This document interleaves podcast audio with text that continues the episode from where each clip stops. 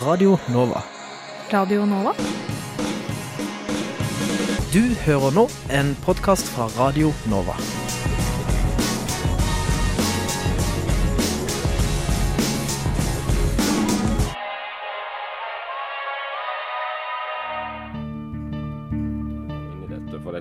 For det hadde vært siden eh, Noam Chomsky etablerte den greina av lingvistikken som, som jeg befinner meg i. Vi håper jo på breiest mulig oppslutning om SV, og jeg tror at det eneste som kan få norsk løsner båndet mellom staten og kirka, og forhåpentligvis fører til tettere bånd mellom kirka og folk. Så hadde de gjort som andre frigjøringsbevegelser i verden, hadde de helt legitimt kanskje tatt i våpen. Og, og så direkte skildring av menneskeskjebner tror jeg ikke vi har sett i noen annen nyhetsdekning av noen annen terroraksjon. Det er såpass store forskjeller mellom den kalde krigen, hvor det var to supermakter som sto mot hverandre, eh, og den situasjonen vi har i dag. Du hører på samfunns- og aktualitetsmagasinet Opplysningen 99,3 på Radio Nova. Opplysningen 99,3 på Radio Nova. Slutt med møter og få noe gjort, skriver en arbeidslivsforsker. Han kommer og forteller hvorfor møter på arbeidsplassen kan være bortkastet Hvilke muligheter har du i arbeidslivet etter endt soning? Vi får besøk av en tidligere straffedømt. Og hva kan du egentlig om de tidligere arbeidslivsideene? Vi tar et tilbakeblikk med journalist Bo Brekke. P-stasjon har en innvirkning på den enkelte nordmanns selvfølelse og identitet. sliter, og de har ikke råd til å betale eh, markedspriser for, for gassen. Akkurat nå hører du på Radio Novas samfunns- og aktualitetsmagasin, Opplysningen 99,3. Det er en grå fredag i hovedstaden. Klokken er passert ti, og du lytter til Opplysningen 99,3 på Radio Nova. Mitt navn er Tom Henrik Monsen, og i denne sendingen skal vi ta for oss arbeidslivet. Vi skal snakke om møter som forhindrer effektivitet, tidligere straffedømtes vei tilbake til samfunnet, og ideen om sekstimersdagen. Men først. Vi har en sterk velferdsstat i Norge, og gjennom skatt jobber vi alle for å opprettholde velferden. Innvandrere Norge sliter med å komme seg inn på arbeidsmarkedet. Språk, kulturelle barrierer og et nytt samfunnssystem bidrar til å gjøre det vanskelig for våre nye landsmenn. Men hvordan står det egentlig til med barna deres? Med oss i studio har vi Are Skeie Hermansen, postdoktor ved Institutt for sosiologi og samfunnsgeografi ved Universitetet i Oslo. Du er ekspert på sosial mobilitet, særlig blant etniske minoriteter, og hvordan de klarer seg i utdanning og arbeid. Velkommen til oss. Takk skal du ha. Eh, hvordan er det med utdannelsesnivået blant barn av innvandrere? Eh, Det er jo et litt sammensatt bilde, men det er eh, ganske store variasjoner mellom ulike grupper. Eh, Noen grupper gjør det bedre enn snittet i befolkningen for øvrig, som f.eks. vietnamesere. Mens andre grupper gjør det noe dårligere. F.eks. pakistansk etterkommergruppen gjør det litt dårligere, og tyrkiske f.eks. Men de gjør det i snitt veldig mye bedre enn det foreldrene deres har gjort. Sånn at de, selv om det ligger litt under, så er eh, forskjellene sett under ett markant redusert fra innvandrergenerasjonen til etterkommergenerasjonen. Eh, Hva er det med den norske modellen som gir, måtte gi disse resultatene for disse barna av innvandrere? Det er nok eh, mange ting, det. Men det at man har et sånn såpass godt utdanningssystem som gir så gode muligheter eh, som vi har i Norge, gjør at eh, Eller muliggjør eh, sosial mobilitet oppover. Så man må huske på at mange av de foreldrene som kom, de kommer fra land med ganske dårlige utdanningssystemer og muligheter for å ta utdanning. Så det er ikke nødvendigvis evner som har holdt dem tilbake. Og det er på en måte frigjøres en del muligheter da, for mobilitet når de kommer til et land som Norge. Ja. For eh, din forskning har vært med å bidra til en rapport eh, som den samfunnsvitenskapelige forskningsstiftelsen Fafo la fram tidligere i uken. Denne rapporten beskriver sosial mobilitet og kulturell tilpasning blant unge med innvandrerbakgrunn. Og med oss i studio har vi også sosiolog, sosiolog og forsker ved Fafo, eh, Jon Horgen Friberg. Velkommen til deg. Tusen takk.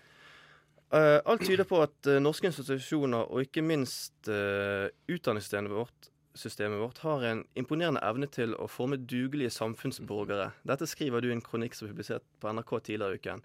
Hva er det som skjer i utdanningssystemet vårt? Ja, For å ta et skritt tilbake, så må jeg si at eh, det vi har publisert nå er en slags første spadestikk i et prosjekt hvor vi skal følge en kohort med ungdom gjennom utdanningssystemet og ut i arbeidslivet. Eh, og der har vi jo eh, lent oss ganske eller ja, jeg har lent meg ganske tungt på Ares tidligere forskning. For han har jo vist at, at veldig mange barn av innvandrere opplever en ganske bratt klassereise. Men vi har visst mindre om måte, andre sider ved deres tilpasning, altså mer kulturelle og sosiale sider ved deres tilpasning. Eh, og Det er delvis fordi det er litt vanskeligere å måle, men det henger også sammen med den litt sånn polariserte norske debatten, hvor man har hatt én side som har vært veldig redd eller litt engstelig for å tematisere kulturelle og verdimessige forskjeller. Eh, av frykt for stigmatisering. Og, og så har du hatt en annen side som har vært veldig opptatt av å framstille kulturelle forskjeller som sånn uoverstigelige barrierer og noe som på en måte er hugget i stein, og som truer norske verdier på et eller annet vis. Eh, jeg kan si at litt det, det vi har funnet, eh, er vel at begge sider her tar jo litt feil. Altså det er, det, det, det er, ikke bare økonomiske, det er også store kulturelle og verdimessige forskjeller mellom den norske befolkningen og deler av innvandrerbefolkningen. Ikke så overraskende, de kommer fra land som er veldig veldig annerledes enn det norske. Eh, men det vi ser eh, når vi undersøker måte, hvordan holdninger endrer seg over tid, eh, så ser vi at disse er måte i bevegelse og formbare. Eh, og alt i alt ser vi en, eh, det jeg har kalt en, måte, en litt sånn stille assimileringsprosess, hvor, eh, hvor også kulturelle holdninger og verdier eh, tilpasser seg ganske markant over tid. Eh, Du nevner tradisjonell eh, familieorientering som en avgjørende faktor for at barn av innvandrere skal lykkes i samfunnet. Hvorfor er det sånn? Det, er en litt, det er et litt eh, si, si, et fiffig poeng her. Fordi når vi måler på en måte eh, kulturell endring, så ser vi at dette går litt i ulik takt. Vi ser at abstrakte verdier, f.eks. holdninger til homofili, holdninger til likestilling, eh, om det endrer seg altså, ganske betydelig. Eh, og, og, og, og store forskjeller fortsatt, men, men, men det liksom, kan spore tydelige endringer. Når det gjelder mer sånn hva skal jeg si, altså sånn forpliktelser, lojalitet, orientering mot familie versus orientering mot individualisme, sånne ting, så ser man at det er litt tyngre materie. Det endrer seg ikke like fort. Eh, Men det er heller ikke helt opplagt hvilken betydning det har for integrasjonen. Fordi vi ser at f.eks. en sterk familieorientering er noe som kjennetegner veldig mange eh, minoritetsgrupper. Og det ser vi at på den ene siden så er det knytta til en del si, sosiale problemer, knytta til sosial kontroll, begrensninger på unges frihet og livsutfoldelse. Men på den annen side så ser vi at det også er knytta til noe som man ofte kaller innvandrerdrivet. Dvs. Si et litt sånn ekstra push for å jobbe litt hardere med skolen og sette ambisjonsnivået litt høyere. Eh, og det ser vi veldig tydelig i vår rapport, at, eh, eller vår studie, at veldig mange barn av innvandrere starter med et betydelig handikap ved at selvfølgelig de har færre ressurser hjemmefra, de får dårligere karakterer i utgangspunktet på skolen. Eh, Men de klarer å ta igjen ganske mye av dette gapet, som Are var inne på, fordi de gjør rett og slett mye mer lekser. eh, Og de har høyere ambisjoner. Eh, Og, en viktig del av det handler om en sterk familieorientering og en følelse av å stå i gjeld til foreldrene sine, og, og, og, og ja, at man skylder på en måte sine foreldre å jobbe hardt på skolen og realisere drømmene deres. Ja, altså de gjør da en ekstra innsats for å komme seg opp og fram, tenker du? Ja, ja, det ser sånn ut i våre studier. Blant annet når vi ser på både ambisjoner og innsats i skolen. eh, Så, så, så ser vi klare forskjeller her, og at Ja. det henger nært sammen med graden av tradisjonell familieorientering. Så det, så det som på en måte kan framstilles som manglende integrering på ett felt, eh, kan også framstå som på en, måte, en ressurs eh, i, i, i deres på en måte, sosiale mobilitet på et annet felt. For mange innvandrergrupper så vil jo det å komme til Norge medføre en i innvandrergenerasjonen en relativ nedgang i sosial status. Og da er det sånn eh, at for barna deres så kan de kanskje gjenopprette den balansen ved å oppleve oppadgående utdanningsøkonomisk mobilitet. Og det er kanskje også noe som på en måte er liksom underliggende bak denne familiepushet. At de på en måte står litt i gjeld til foreldrene, føler de da. Mm. Det er, dette er noe som forskere lenge har snakket om, dette såkalte innvandrerdrivet. Som på en måte som en sånn, hvordan forklare at man ser en litt sånn overraskende høy grad av sosial mobilitet. Da, i, og det er mange ulike forklaringer, litt sånn konkurrerende forklaringer på det. Hvor mye handler om sant, å gjenopprette tidligere status? Hvor mye handler om eh, litt mer sånn eh, altså statistiske effekt av at de som, de som har den lengste veien å gå, naturlig nok eh, går litt lenger enn de som har kortere. Eh, eller om det er kulturelle eh, årsaker knytta til tradisjonell familiestruktur og sånn. Eh, og den debatten er vel ikke helt avgjort ennå, men vi, vi ser nok elementer av, eh, av alle de ulike forklaringene. Hvis vi ser litt eh, videre på dette, jeg kan henvende til deg Hermansen først. Eh, barn av innvandrere, hvordan klarer de seg på arbeidsmarkedet i Norge? De gjør det relativt bra der også. De eller det er et todelt eh, bilde. Da. Men det er, altså det er studier som har eh, brukt eksperimentelle metoder, hvor de har sendt ut falske jobbsøknader og sånn, som har dokumentert ganske godt at det er etnisk diskriminering i ansettelser i Norge. Og vi vet også at det innenfor en del grupper så er det sånn tradisjonelle kjønnsrollemønstre og sånn bidrar til lavere sysselsetting blant eh, kvinner eller norskfødte kvinner med innvandrerbakgrunn. Men, men når de først er i arbeid, så ser det ut til at de gjør det like bra som eh, eh, sammenlignbare personer i majoritetsbefolkningen. Og fordi de på en måte tar såpass mye utdanning, og så betyr det i praksis at veldig mange klarer å omsette det til suksess i arbeidslivet. Og vi ser også på en måte at på samme måte som at vi har sett en kraftig reduksjon i utdanningsgapet i løpet av en generasjon, så ser vi også en uh, like kraftig reduksjon i inntektsforskjellene uh, på tvers av uh, en generasjon. Ja, ja. for å ta et litt annet tema. det er veldig mange innvandrere som kommer til Norge som ikke har samme religiøs bakgrunn som det vi har her i Norge. kan religion, f.eks. islam, være i konflikt med den norske samfunnsmodellen? det, er et stort tema, men, men, men jo, man trenger bare å se til nyhetene for å se at uh, dagens integreringsdebatt uh, ikke bare handler om uh, utdanning og sysselsetting, men at det er vel så mye ideen om en konflikt mellom islam og vestlig sekularisme.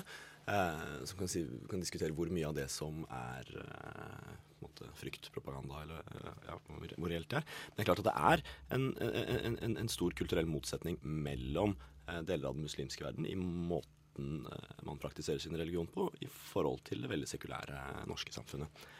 Eh, og noe av det vi har undersøkt, er jo altså bare for å si og, og det er selvfølgelig et potensial for konflikt her ved at en type bokstavtro konservativ religion vil, som man har sett, kunne komme i konflikt med på en måte, liberale prinsipper for tro, tanke og ytringsfrihet. Og, sånn. og vi har forsøkt å undersøke om ser man en sekulariseringsprosess. Dvs. Si, måte blir religion mindre viktig. Det blir jo naturlig å tenke seg at i samfunn eh, som har svake stater og få institusjoner som kan regulere mot samfunnet, så trenger man religion med masse regler. Eh, I Norge trenger man kanskje ikke det, når du har Nav og politi. Eh, og det, det, kort sagt, det vi ser, er at religion fortsetter å ha en veldig viktig betydning for barna hennes. Det er ikke sånn at religion, Særlig for muslimer. Det er ikke sånn at religion på en måte blir mindre viktig, at de blir mindre religiøse. Men vi ser at den endrer litt betydning. Fra at de oppfatter det først og fremst som at det viktigste med sin religion er å ha et ytre sett med regler som skal på en måte styre hvordan man eh, omgås andre mennesker og hva man gjør i livet, til at religion i større grad tar form av et indre moralsk kompass identitetsmarkør på et vis. Um, og, og, det er klart at det er også en form for sekularisering, uh, ved at religionen i større grad privatiseres. Og Det er en interessant utvikling som vi nok ikke har uh, klart å fange opp så godt i tidligere forskning. Mm. Uh, en annen ting er jo også at mange nevner at tillit som en viktig holdning i det norske samfunnet. Altså, I hvilken grad tilegner man at barna innvandrer seg det, denne holdningen? Ja, altså Dette med, dette med betydningen av tillit det er for en litt sånn diskusjon. Er det sånn at det er det at folk har stor tillit til hverandre, er det det som gjør at samfunnsinstitusjonene fungerer? Fordi kan, måte, det er lettere å, å, samarbeide når vi stoler på hverandre? Eller er det omvendt? Er det sånn at fordi vi har eh, gode institusjoner som regulerer hvordan folk skal oppføre seg, så gjør det at dermed kan vi stole på eh, hverandre. Det er selvfølgelig litt begge deler. Eh, men på sikt så er det nok viktig at også innvandrere eh, eh, tar til seg det høye norske tillitsnivået. Det vi ser, er at det går saktere enn disse abstrakte verdiene.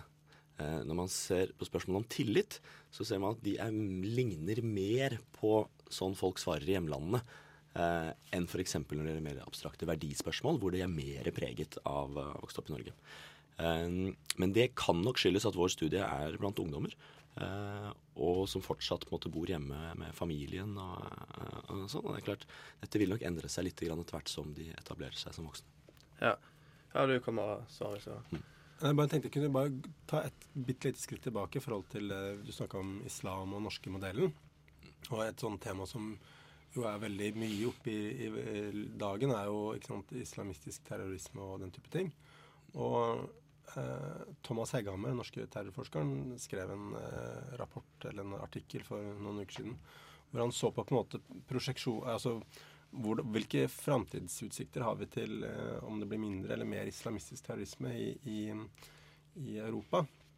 Og, et, en, og han, det han sier der, er at det kanskje mer enn tradisjonelle religiøse orienteringer og sånn, som en sånn underliggende drivkraft, så er det sosial marginalisering som er det viktige.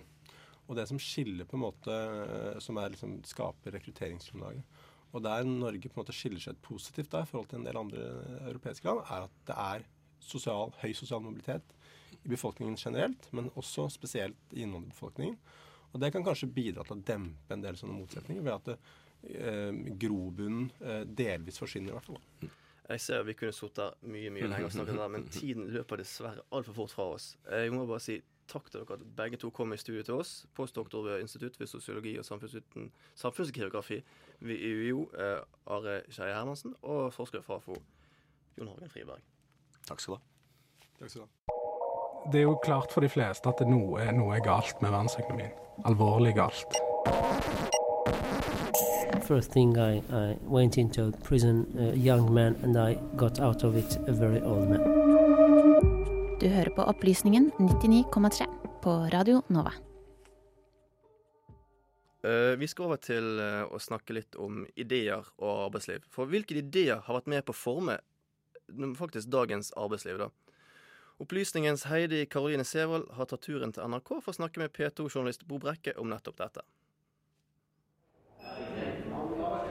Siden vi i Opplysningen i dag snakker litt ekstra om arbeidsliv, tar jeg turen til NRK for å møte P2-journalist Bo Brekke. Han har dekket arbeidslivssaker i mange år. Jeg vil spørre han om 1. mai, pensjonsdebatten før og nå, og ikke minst sekstimersdagen. 1. mai var jo en såkalt kampdag da den ble innført. Uh, uh, og den, den, var jo internasjonal, det startet jo ikke i Norge. Det var jo andre, andre land som gikk før Norge, da. Og, og, og fagbevegelsens rolle uh, var veldig sterk, kanskje særlig i, i første halvdel av forrige århundre. Norge, for Norges del så, så, ble det jo sånn at etter, etter annen verdenskrig så var det jo eh, en slags konsensus. Vi bygger landet sammen, og det var Arbeiderpartiet som hadde regjeringsmakt i 20 år. Og, og da spilte jo selvfølgelig fagbevegelsen en, en, viktig rolle i det. Samtidig så var den da ikke veldig sånn i opposisjon, fordi at den var jo en del av liksom eh, de som styrte landet. Eh, så det var en slags allianse og en samforstand. og Eh, og sånn. Og, og, så, etter 65, så 1965, så, så, endret jo det seg. Da fikk man en borgerlig regjering, Borten-regjeringen, som satt i drøye fem år. Og, og, eh, og da, da, måtte jo fagbevegelsen være mer i opposisjon politisk, kan du si. Men, men, den var jo først og fremst opptatt av det som skjedde på arbeidsplassene. ikke sant? Det, men den hadde også en politisk rolle det uttrykte også på 1. mai, da, siden du begynte med 1. mai. fordi at 1. mai var jo da en dag som var stort sett preget av samorg, altså samorganisasjonen, og, og, som er altså fagbevegelsens distriktsorganisasjoner, eh, og Arbeiderpartiet. Men så begynte det da å bli eh, mer demonstrasjoner som Altså det var flere tog da, i en del byer. Og, og, det, og det vokste fram en slags opposisjon som som mente at uh, fagbevegelsen burde være mer i klassekamp enn de hadde vært på 30-50 år. liksom. Altså, og det førte nok til først en, uh, en, et forsøk, forsøk på å, å, å, slå det tilbake, men så faktisk utover på 80-90-tallet så, så, førte det faktisk til at fagbevegelsen og LO ble en mer Altså fikk en selvstendig En mer selvstendig rolle, da Eh, i forhold til Arbeiderpartiet, selv om man var i allianse. Og så er det jo disse kjernesakene som har eh, variert litt. Og vi har jo disse parolene hvert eneste år, og noen går igjen og igjen, og noen er nye og mer sånn dagsaktuelle. Og så er det jo, det kjenner vi jo til, sekstimersdagen. Denne ideen om at man skal jobbe seks timer om dagen. Ja. Hva er det som ligger i denne ideen? Ja, Det var vel egentlig et kvinnekrav. Det var ikke, var ikke et typisk eh, fagbevegelsekrav, men det var jo kvinner i fagbevegelsen også. Eh, sånn som jeg kan huske det, eh, så, så var det et krav som ikke fikk veldig stor oppslutning i i hvert fall ikke forbund som jern og metall og bygningsarbeid uh, osv. Men og, og, det har jo ikke blitt noe av. så, så, men, men jeg tror vel at altså, Sånn som jeg kan huske det, så var jo hovedargumentet at sekstimersdag var et bra krav fordi at man skulle jo levere i barnehage og hente i barnehage, og, og livet skulle være mer enn arbeid og sånt noe. Så det var liksom eh, en sånn type argumentasjon, da. Uh, og man skulle ha sekstimersdag med full lønnskompensasjon, tror jeg. Var, var, så man skulle ikke gå ned i lønn.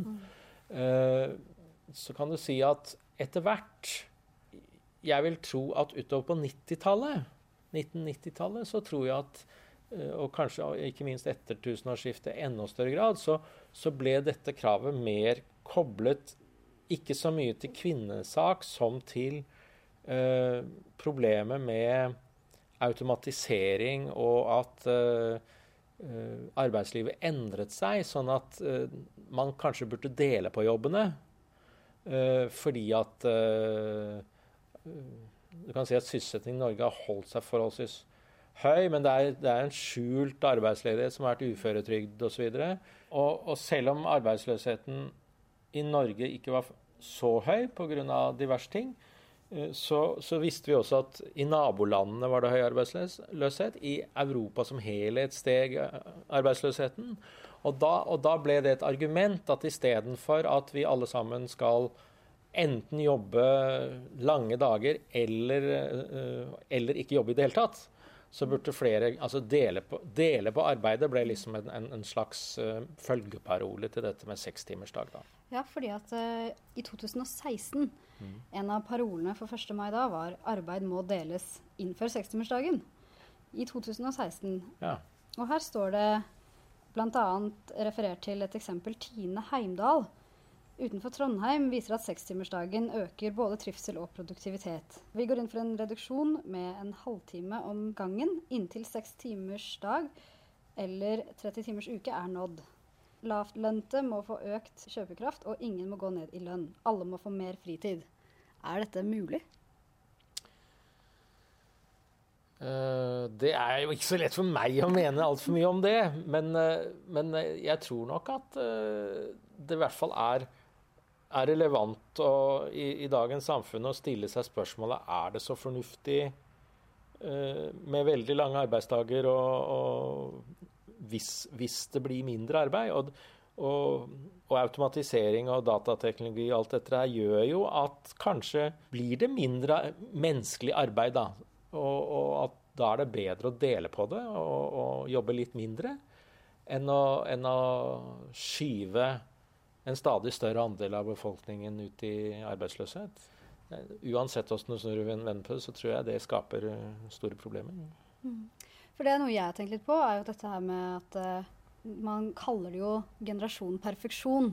De som vokser opp nå skal få til alt og lykkes på alle områder, og gjerne spesielt på karriere og sånn. Og da vil det kanskje ikke være noe stor appell å skulle jobbe mindre og være mindre ambisiøs. Tror du det spiller inn på om vi kan klare å mobilisere det, hvis det er det vi trenger? Arbeidslivet har jo også endret seg på den måten at en større del av arbeidslivet er jo, framstår i hvert fall som mer frie yrker. Altså at, det er, at folk Det er langt færre, i hvert fall i byer som Oslo, Bergen og Trondheim, som, hvor folk går rundt og kaller seg arbeider. Eh, slik man tenker i, i, i fagbevegelsen i tradisjonell forstand. fordi at industriarbeidsplassene de, de er jo flyttet ut til eh, steder der tomtepriser og sånn ikke er så høye. Sånn at, eh, sånn at i byene så, så, er jo veldig mange flere er jo da enten det er kontorarbeid, administrasjon og ditt og datt og sånt noe, men, men, også i andre bransjer ofte, med yrker som ofte kalles for frie yrker, hvor man liksom er kreativ og, og alt dette her. Og, og der tror jeg man jobber veldig masse. og kanskje til og med alt mer enn den normale arbeidsdagen, men uh, kanskje ikke nødvendigvis får betalt for det fordi at man liksom realiserer seg selv om man vil gjøre karriere og alt det der. Men jeg tror kanskje at, uh, at det er jo en annen trend, og det er jo at man også skal få noe ut av livet. Man skal ikke bare være suksessfull på, i jobben, man vil gjerne være suksessfull i livet. Og da bør man kanskje ha litt større andel av livet til det andre, da, som ikke er jobb. Så man kan jo godt eh, på en måte være suksessfull på sekstimersdag, som, som på sju og en halv. Eller ni. Men dette er, dette, dette er det jo veldig vanskelig å si for mye om, fordi det er ikke mange som har sekstimersdag. Jeg vet ikke om noe land hvor de har det. Det er jo Tine på Heimdal, da. Ja, det er Tine på Heimdal. Ja. Mm.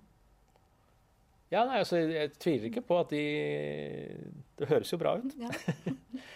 Eh, Et annet viktig spørsmål som vi kanskje nå i disse tider har, har glemt litt, det, det har jo vært uh, forhandlinger om eh, pensjonsalder og, og, og pensjonsordning.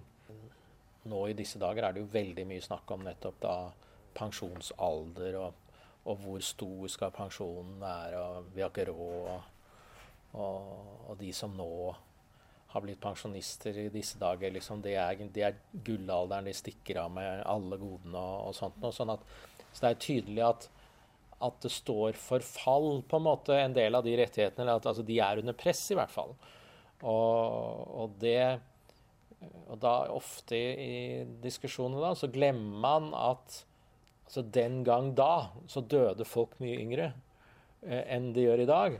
Sånn at når, når pensjonsalderen var satt da, til 65 år f.eks., så var det altså eh, Hvis jeg ikke husker feil, over halvparten som, som ikke ville nyte noe godt av det på den tiden hvor man krevde 65 års eh, pensjonsalder. Samtidig så er det et annet poeng, og det er jo at eh, man måler bare alder i forhold til pensjon, men det er stor forskjell på de som begynner å jobbe når de er 16-17 år, og de som begynner å jobbe når de er eh, 30, fordi at de har tatt lang utdanning. Så man, det hadde vært relevant å se på hvor, hvor lenge har du jobbet, og når du da kan gå ut i pensjon. Men, eh, men det er sånne ting som er veldig, veldig fraværende i dagens debatt. Men det var, det var mye mer framme hvis du går 30-40 år tilbake i tid. Altså. Altså den totale tiden du jobber, mener du? Ja, altså at eh, altså Noe av grunnen til at man fikk AFP, tror jeg, fra 62, var jo nettopp at veldig mange da i, i mer manuelle yrker osv. at de der hadde jo veldig mange jobbet siden de var 16, og da hadde de jo da hadde de vært i arbeidslivet i, i 46 år. Når de ble to, 62 og, og var kanskje ja, var slitt ut, liksom. Mens, eh, mens andre kanskje bare hadde jobbet i 30 år.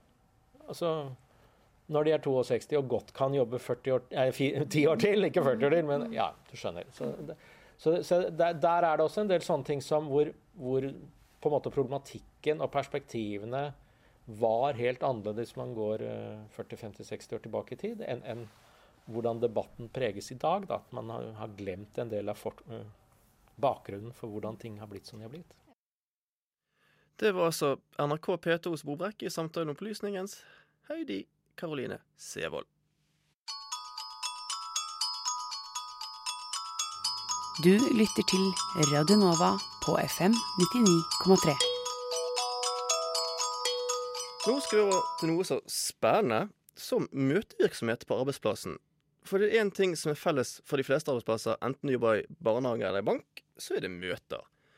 Morgenmøter, ettermiddagsmøter, kveldsmøter, personalmøter, foreldremøter, ledermøter, møte med her og møte med der.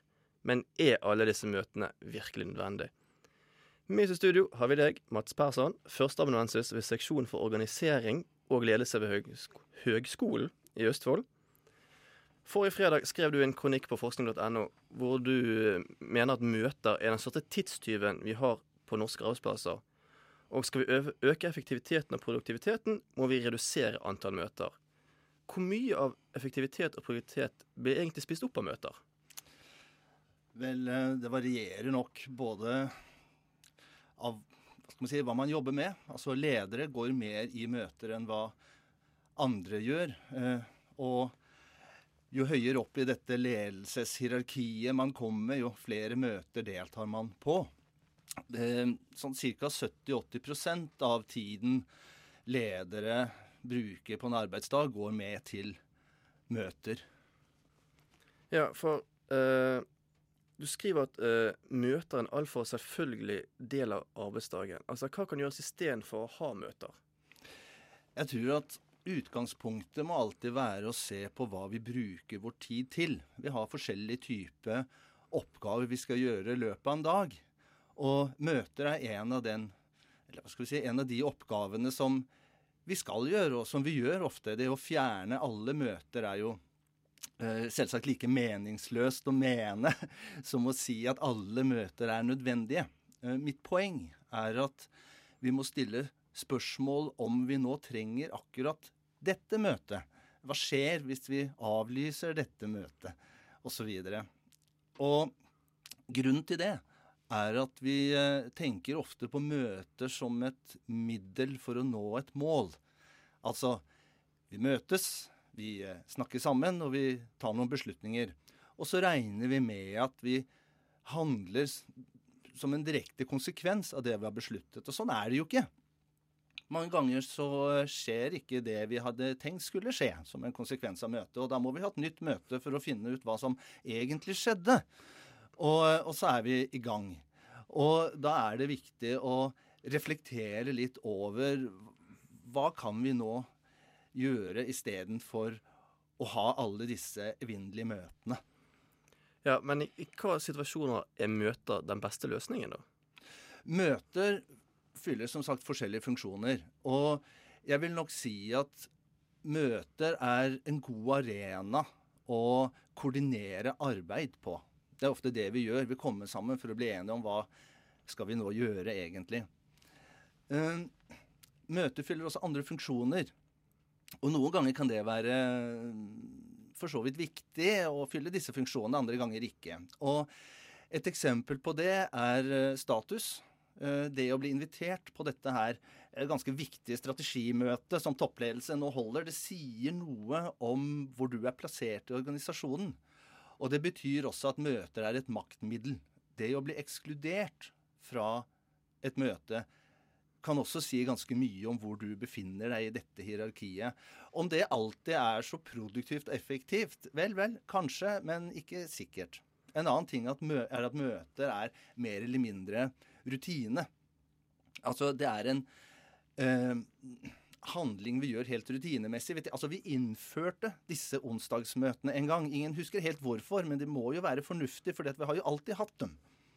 Og ja. da er det noe med å stille spørsmål. Vel, vel, er det sånn? Mm. Hvordan kan møter skape måte, status blant ledere på en arbeidsplass? Det henger sammen med beslutningene.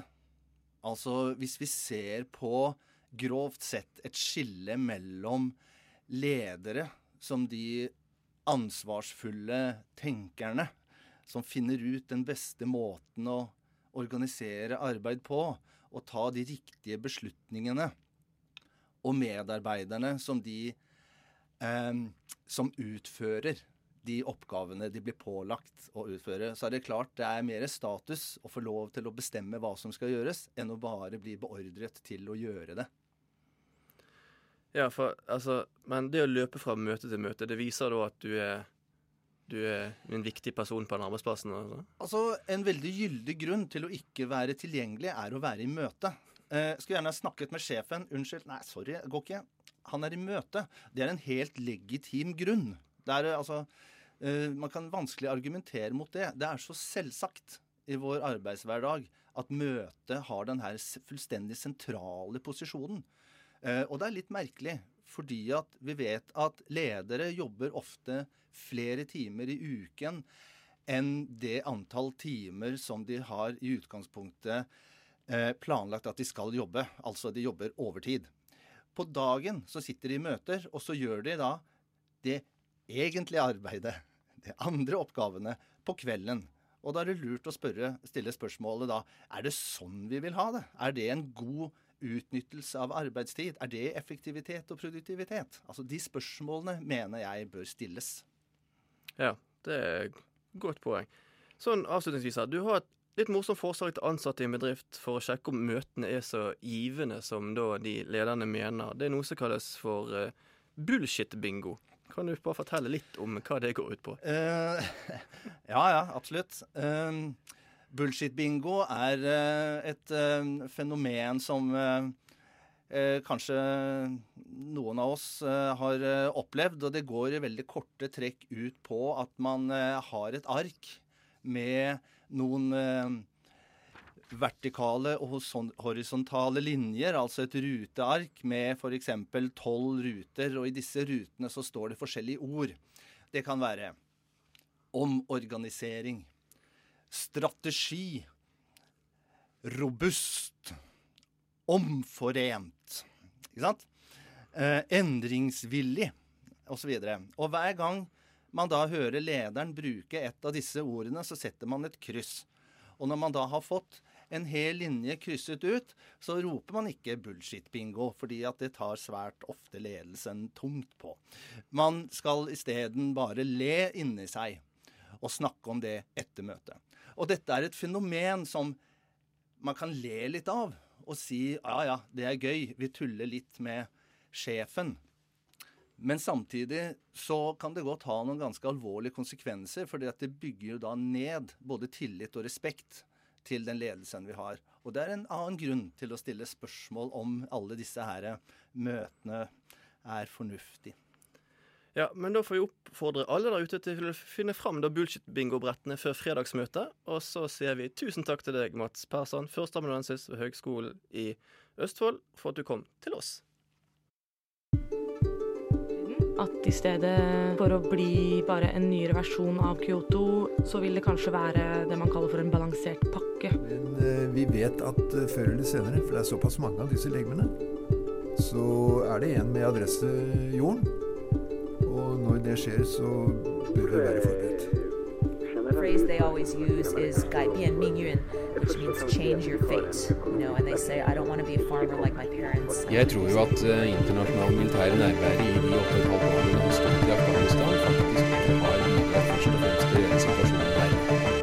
Opplysningen 99,3 på Radio Nova. Til slutt i dagens sending skal vi snakke om de som har havnet eh, på skråplanet og prøver å komme seg tilbake til samfunnet. For hva gjør du når du kommer ut av fengsel etter endt soning og kanskje er litt råvill? Kan du ikke bare få deg en jobb, eller er det kanskje ikke uh, så enkelt? Med oss i studio har vi daglig leder i stiftelsen Wayback, Johan Lote. Velkommen. Tusen takk. Eh, Du er altså eh, daglig leder i Wayback, en stiftelse som arbeider for at straffedømte skal få leve et liv da uten kriminalitet og rusmisbruk. Men bare kort først om deg. Kan du fortelle hvordan du kom i kontakt med stiftelsen, og kanskje litt om din bakgrunn? Ja, jeg har jo selv eh, bakgrunn som eh, rusmisbruker. Og eh, rusmisbruk fører ofte til fengsel. Så jeg har noen dommer bak meg. Og da jeg ble løslatt, så tenkte jeg hvordan skal jeg få tatt tak i livet mitt? Og fant ut at nettverk og anerkjennelse og tilhørighet er ting som jeg behøvde. Så jeg startet i Nettverket etter soning, som er en aktivitet eh, hos eh, Røde Kors. Først som eh, deltaker, og etter hvert så ble jeg frivillig. Veldig engasjert i det som har med straffedømte å gjøre, å hjelpe andre med å finne veien tilbake. Så etter en stund så ble jeg spurt om å være daglig leder i Wayback. Uh, Wayback er jo en stiftelse som kun uh, har uh, ansatte med, som er straffedømte. sånn at vi er likepersonsarbeidere, vi som er hos oss. Ja, for hva hvem er det måtte Wayback hjelper? Er det alle straffede, eller eh, skiller dere mellom si, tunge forbrytere og si, lette forbrytere? Nei, vi skiller ikke mellom noen. Uh, vi hjelper gjerne de som har de største utfordringene. Det vi ønsker, er at de skal selv være motivert til endring. Det er veldig vanskelig å endre noen som ikke vil endres. Så alle som er motivert, er velkommen til oss. Og da er en forutsetning at man er straffedømt. Det ligger i stiftelsens vedtekter. Dere har i noe som en fadderordning. Eh, kan du bare fortelle litt om hva den går ut på? Fadderordningen er en støtteperson. Det er den straffedømtes kontaktperson. Det er en kamerat som følger det opp i hverdagen. Han eller hun er tilgjengelig for vedkommende, om ikke døgnet rundt, så til de fleste av døgnets tider. Han er med deg på visning når du skal på bolig. Han kan være med deg på jobbintervju. Vi går på kino sammen. alle, alle slags ulike aktiviteter. Vår fadder har jo selv samme bakgrunn og er som en slags rollemodell. Vi sier det at han gir håp om at det nytter. Ja, for eh, hva utfordringer eh, eh møter dere det arbeidet dere skal gjøre altså, overfor arbeidslivet, og måte, den forsøket på å få dem tilbake inn til samfunnet? Eh, altså, når du kommer ut og straffedømte, hva hindringer er det på en måte som ligger der for, eh, for at dere skal lykkes? Ja, først og fremst er det jo de, de, hindringene som ligger i deg selv. Det med skam og tapt identitet og eh, ikke ha troen på seg selv. Eh, når man etter hvert får den, eh, ofte ved hjelp av en fadder, så merker vi jo det at samfunnet eh, ikke har lyst til å tilgi den som skal ut. Så straffen begynner jo ofte i det øyeblikket man blir løslatt. Og det er vanskelig å komme til en arbeidsgiver med mange hull i CV-en kunne forklare det, og også få tillit hos en arbeidsgiver. At en arbeidsgiver er villig til å ta en sjanse, er jo veldig viktig for den straffedømte når man skal ut i arbeidslivet igjen. Hvis vi tar dette et steg litt høyere opp i hierarkiet. Altså, Politikere, hva, hva gjør de for å hjelpe dere, og hva mer kunne de gjort? Nei, Vi tenker at vi får veldig god støtte uh, av politikerne. Erna Statsministeren vår uh, nevnte jo oss i sin nyttårstale. Og politikerne er jo veldig for likepersonsarbeid. Vi ser at vi har fått litt mer støtte økonomisk, men det er jo forsvinnende lite de frivillige organisasjonene får i, i forhold til hvor mye penger man bruker på kriminalomsorg. Så tenker jeg også på dette her med å legge til rette for arbeid. Um, man må være med på å motivere arbeidsgiverne til å gi oss eh, en sjanse. Og, og, sette moralen i, i rett stol og, og, vise samfunnsengasjement. Det å, å, altså Politikerne er med og, og synes at vi er en flott organisasjon, men det må legges mer praktisk til rette. F.eks. med å gi arbeidsgivere også en slags fadderordning. Det er mange arbeidsgivere som føler seg fremmed for å ha en tidligere straffedømt rusmisbruker i sin organisasjon.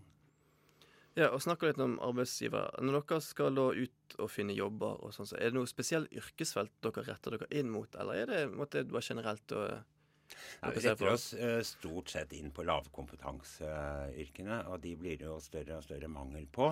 Uh, mange straffedømte har veldig liten utdanning, lav kompetanse. Og vi trenger langt flere jobber hvor det er behov for lav kompetanse. Eventuelt eh, ordninger hvor man kan vokse i systemet. Vi ser veldig ofte at eh, noen blir gitt en sjanse, men blir holdt nede pga. manglende utdanning. og Da trenger man tilleggsutdanning og tilleggskompetanse for å komme høyere opp i systemet. Så dere hjelper også da eh, eh, straffet f.eks. for, for skoleplasser og sånn? Så Eller er det noe dere driver på med? Altså, Vi har jo ikke egne skoleplasser, men uh, vår jobb er jo å motivere folk til å, å, finne ut hva de vil selv, og legge til rette for at man får det. Da er vi jo ofte med i ansvarsgruppemøter på Nav og legger frem uh, vårt syn sammen med, med, vårt medlem, som vi kaller de straffedømte det, det, er jo viktig å få frem deres syn og hva de selv mangler, og hva de har lyst til, og hva de er motivert til å gjøre. I hvor stor grad klarer dere å hjelpe da, disse straffedømte tilbake til et liv da, uten da, kriminalitet og, og rusmisbruk? Vi uh, lykkes med over 50 av uh, de vi har hos oss. Det å sette et sånt merkelapp på hva det vil si å lykkes, uh, er jo vanskelig. Men jeg tenker det at man først og fremst klarer seg uten rus og kriminalitet. Og noen er klar for å komme ut i arbeidslivet med en gang. Andre bruker lengre tid på det. Men vi ser jo at de som er mest motivert, eh, de lykkes vi med. Og så ser vi også at det er noen som snubler underveis, og så kommer de til oss både én og to ganger. Det blir en dom til. Og da lykkes vi. Så er av og til så er det flere runder som må til. Kom tilbake, Du snakker litt om holdninger. Eh, for det at sagt, Folk er jo skeptiske til å måtte eh, ta imot disse eh, tidligere straffedømte i samfunnet igjen. Eh, hva vil du si til sånne, til sånne skeptikere? om de tidligere straffedømte? Nei, Jeg vil jo oppfordre dem til å, å ta imot oss. Eh, vi ser at eh, de som er villige til å endre livet sitt, ofte er bedre arbeidstakere enn noen annen. De er veldig ærlige eh, har ofte lav selvtillit, som man prøver å gjøre opp for gamle, gammel uro. Og, og, ved å vise at man er veldig ordentlig. Vi ser at tidligere straffedømte kommer presis på jobben, de er, gjør, gjør, det de blir bedt om, er, er, veldig ordentlig. Men man ønsker å bli vist tillit, så det er viktig at arbeidsgivere i dag eh, tar den sjansen. Og, og, og, gir dem tillit. For det, som, det å ta imot med en åpen hånd, eh, det kan man også gi tilbake.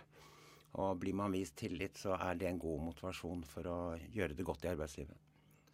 Det er det. Det var kloke ord. Og bare å si tusen hjertelig takk for at du kom til oss her i Opplysningen. Daglig leder Wayback, Johan Lote. Takk. What? Radio nå. Ja, det var det. Eh, de som medvirket til ukens sending, er Kristine Brastad Damen, Heidi Karoline Sevold, Eileen Lindvold og Hanne Kjelland Olsen. Tekniker har vært Simon Lima. Denne sendingen blir eh, snart å finne som podkast på iTunes og på Soundcloud. Uh, gå inn og lik vår Facebook-side, Opplysningen 99,3. Etter oss kommer Nyhetsfredag. Jeg har vært, og vil fortsette å være, Tom Henrik Monsen. Jeg ønsker alle en opplyst fredag.